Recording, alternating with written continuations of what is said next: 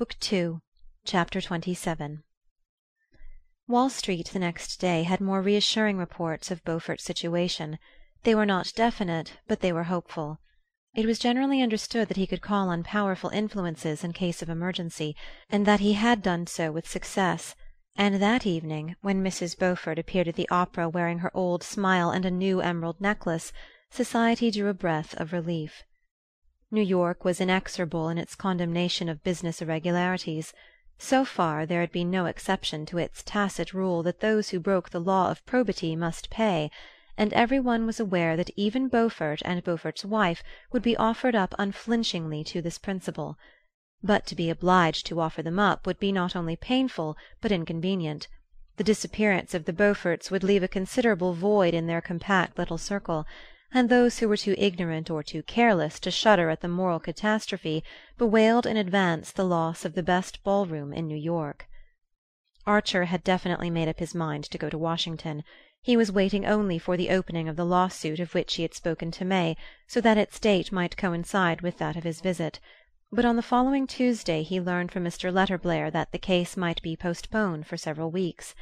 Nevertheless he went home that afternoon determined in any event to leave the next evening.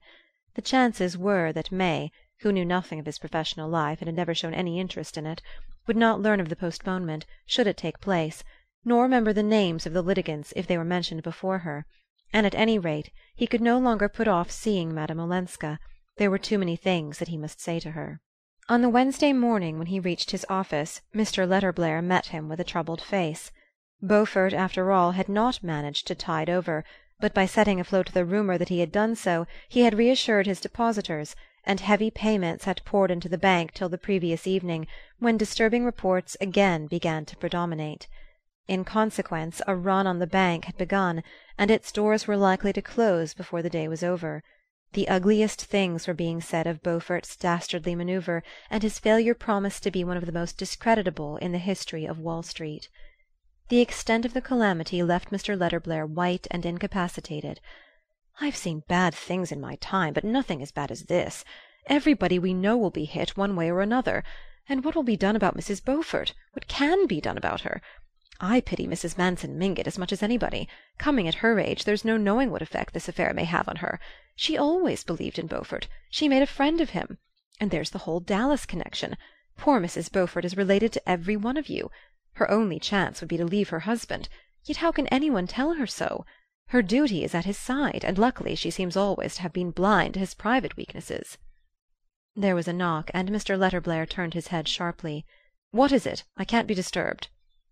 A clerk brought in a letter for Archer and withdrew. Recognizing his wife's hand, the young man opened the envelope and read: "Won't you please come up town as early as you can? Granny had a slight stroke last night. In some mysterious way she found out before any one else this awful news about the bank. Uncle Lovell is away shooting, and the idea of the disgrace has made poor papa so nervous that he has a temperature and can't leave his room.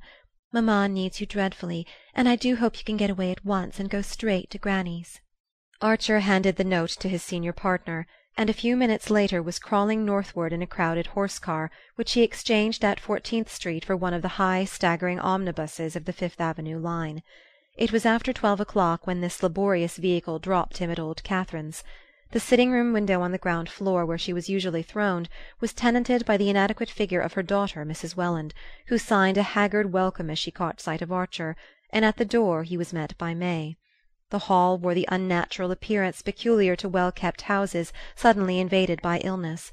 Wraps and furs lay in heaps on the chairs, a doctor's bag and overcoat were on the table, and beside them letters and cards had already piled up unheeded. May looked pale but smiling. Dr. Bencomb, who had just come for the second time, took a more hopeful view, and Mrs. Mingott's dauntless determination to live and get well was already having an effect on her family. May led Archer into the old lady's sitting room, where the sliding doors opening into the bedroom had been drawn shut, and the heavy yellow damask portieres dropped over them; and here Mrs. Welland communicated to him in horrified undertones the details of the catastrophe. It appeared that the evening before something dreadful and mysterious had happened. At about eight o'clock, just after Mrs. Mingott had finished the game of solitaire that she always played after dinner, the door bell had rung and a lady so thickly veiled that the servants did not immediately recognize her had asked to be received. The butler, hearing a familiar voice, had thrown open the sitting room door, announcing "Mrs. Julius Beaufort," and had then closed it again on the two ladies. They must have been together, he thought, about an hour. When Mrs. Mingott's bell rang Mrs. Beaufort had already slipped away unseen, and the old lady, white and vast and terrible, sat alone in her great chair, and signed to the butler to help her into the room. She seemed at that time, though obviously distressed, in complete control of her body and brain. The mulatto maid put her to bed, brought her a cup of tea as usual, laid everything straight in the room, and went away. But at three in the morning the bell rang again, and the two servants, hastening in at this unwonted summons for old Catherine usually slept like a baby had found their mistress sitting up against her pillows with a crooked smile on her face, and one little hand hanging limp from its huge arm. The stroke had clearly been a slight one, for she was able to articulate and to make her wishes known, and soon after the doctor's first visit she had begun to regain control of her facial muscles. But the alarm had been great, and proportionately great was the indignation when it was gathered from Mrs. Mingott's fragmentary phrases that Regina Beaufort had come to ask her incredible effrontery to back up her husband, see them through, not desert them, as she called it in fact to induce the whole family to cover and condone their monstrous dishonour. I said to her, Honour's always been honour, and honesty honesty, in Manson Mingott's house, and will be till I'm carried out of it feet first," the old woman had stammered into her daughter's ear in the thick voice of the partly paralyzed. And when she said, "But my name, auntie, my name's Regina Dallas," I said, "it was Beaufort when he covered you with jewels, and it's got to stay Beaufort now that he's covered you with shame." So much, with tears and gasps of horror, Mrs. Welland imparted, blanched and demoralized by the unwonted obligation of having at last to fix her eyes on the unpleasant and the discreditable. "If only I could keep it from your father in law! He always says, 'Augusta, for pity's sake don't destroy my last illusions!' And how am I to prevent his knowing these horrors?"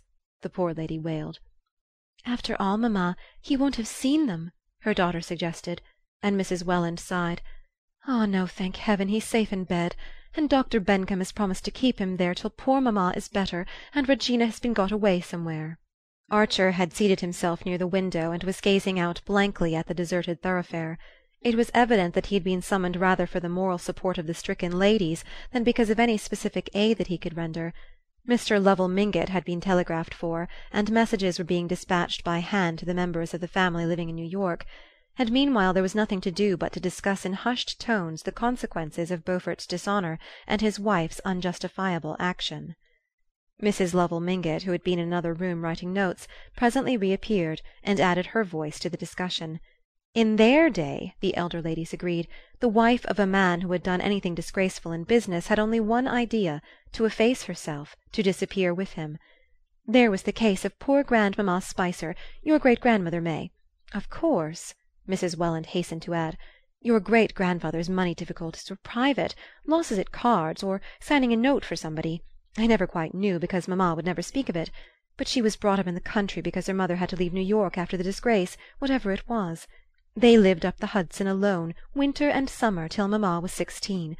It would never have occurred to Grandmamma Spicer to ask the family to countenance her, as I understand Regina calls it, though a private disgrace is nothing compared to the scandal of ruining hundreds of innocent people."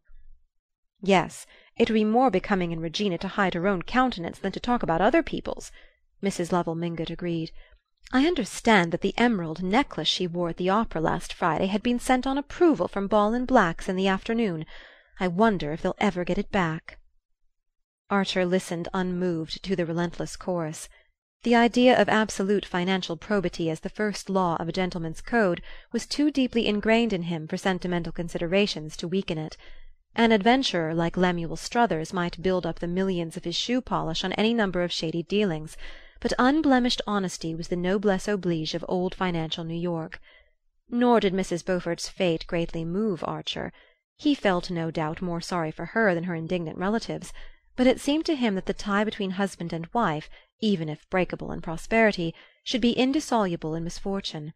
As Mr. Letterblair had said, a wife's place was at her husband's side when he was in trouble, but society's place was not at his side, and Mrs. Beaufort's cool assumption that it was seemed almost to make her his accomplice. The mere idea of a woman's appealing to her family to screen her husband's business dishonour was inadmissible since it was the one thing that the family, as an institution, could not do. The mulatto maid called Mrs. Lovell Mingott into the hall, and the latter came back in a moment with a frowning brow. "She wants me to telegraph for Ellen Olenska. I had written to Ellen, of course, and to Medora, but now it seems that's not enough. I'm to telegraph to her immediately, and to tell her that she's to come alone." The announcement was received in silence. Mrs. Welland sighed resignedly, and May rose from her seat and went to gather up some newspapers that had been scattered on the floor. "I suppose it must be done," Mrs. Lovell Mingott continued, as if hoping to be contradicted; and May turned back toward the middle of the room. "Of course it must be done," she said. "Granny knows what she wants, and we must carry out all her wishes. Shall I write the telegram for you, auntie? If it goes at once Ellen can probably catch to morrow morning's train. She pronounced the syllables of the name with a peculiar clearness, as if she tapped on two silver bells. "Well, it can't go at once. Jasper and the pantry boy are both out with notes and telegrams." May turned to her husband with a smile. "But here's Newland, ready to do anything. Will you take the telegram, Newland? There'll be just time before luncheon." Archer rose with a murmur of readiness, and she seated herself at old Catherine's rosewood bonheur du jour and wrote out the message in her large immature hand. When it was written she blotted it neatly and handed it to Archer. "What a pity," she said, "that you and Ellen will cross each other on the way. Newland," she added, turning to her mother and aunt, "is obliged to go to Washington about a patent lawsuit that is coming up before the Supreme Court.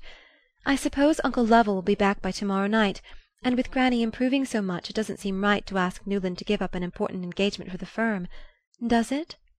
She paused, as if for an answer and Mrs. Welland hastily declared: "Oh, of course not, darling. Your granny would be the last person to wish it." As Archer left the room with the telegram he heard his mother in law add, presumably to Mrs. Lovell Mingott: "But why on earth she should make you telegraph for Ellen Olenska!" and May's clear voice rejoin: "Perhaps it's to urge on her again that after all her duty is with her husband." The outer door closed on Archer, and he walked hastily away toward the telegraph office.